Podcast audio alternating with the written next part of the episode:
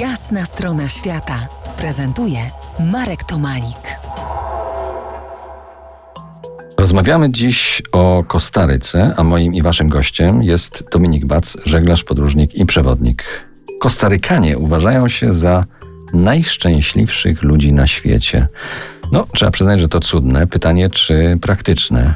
Jak oni nam to udowadniają? Wspominałem już y, Wam o tym, że mm, o tym ich pozdrowieniu Pura Vida. Kiedyś usłyszałem takie powiedzenie. Co to jest sukces? Sukces to jest y, mieć y, to, co się chce. Natomiast szczęście to jest chcieć to, co się ma. I myślę, że Kostarykańczycy korzystają chyba z tej drugiej wersji. Po prostu kochają to, co mają. Kochają swoją przyrodę, kochają swój lekki i bardzo prosty styl życia.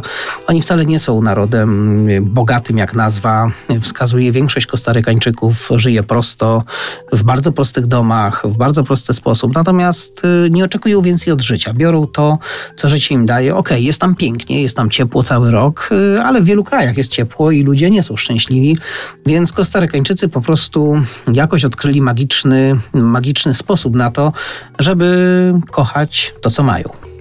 Powiedziałeś, że bieda, ale, ale to jest taka bieda z y, uśmiechem i podniesionym czołem. Nie powiedziałbym, że Kostaryka jest biedna, ponieważ jeżeli popatrzymy na inne kraje y, Ameryki Łacińskiej, to ten y, powiedzmy poziom niższej klasy społecznej jest tam wyżej. Jest tam to Chile mniej... na pewno jest bogatsze.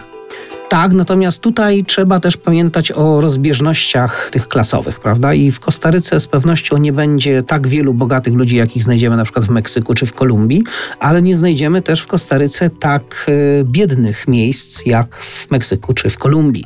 Dlatego, mm, że tak powiem, jest to znowu przypomina bardziej troszeczkę tutaj Europę, chociaż daleko oczywiście jeszcze do standardów europejskich. Natomiast rzeczywiście oni są szczęśliwi z tym, co mają. Nie, spotka, nie spotkałem Kostarykańczyka, który by mówił, narzekał, prawda? Raczej są zadowoleni, prawda? Raczej są tacy pogodzeni z tym, y, jak wygląda ich życie i myślę, że to daje właśnie im to poczucie szczęścia.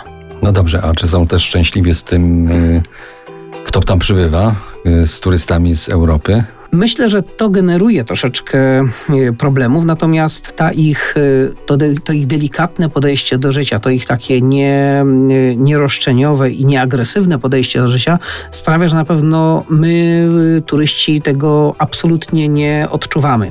W Kostaryce 90% ziemi, która jest na wybrzeżu, należy do obcokrajowców. Tak? To jest taka rzecz, że gdyby to w Polsce taki news puszczono, prawda, no to byłaby rewolucja, prawda?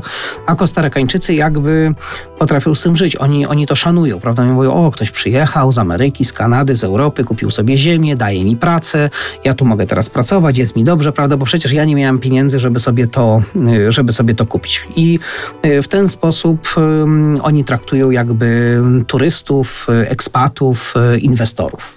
Ostatnia część naszej rozmowy o Kostaryce za kilkanaście minut. To jest jasna strona świata w RMS Classic.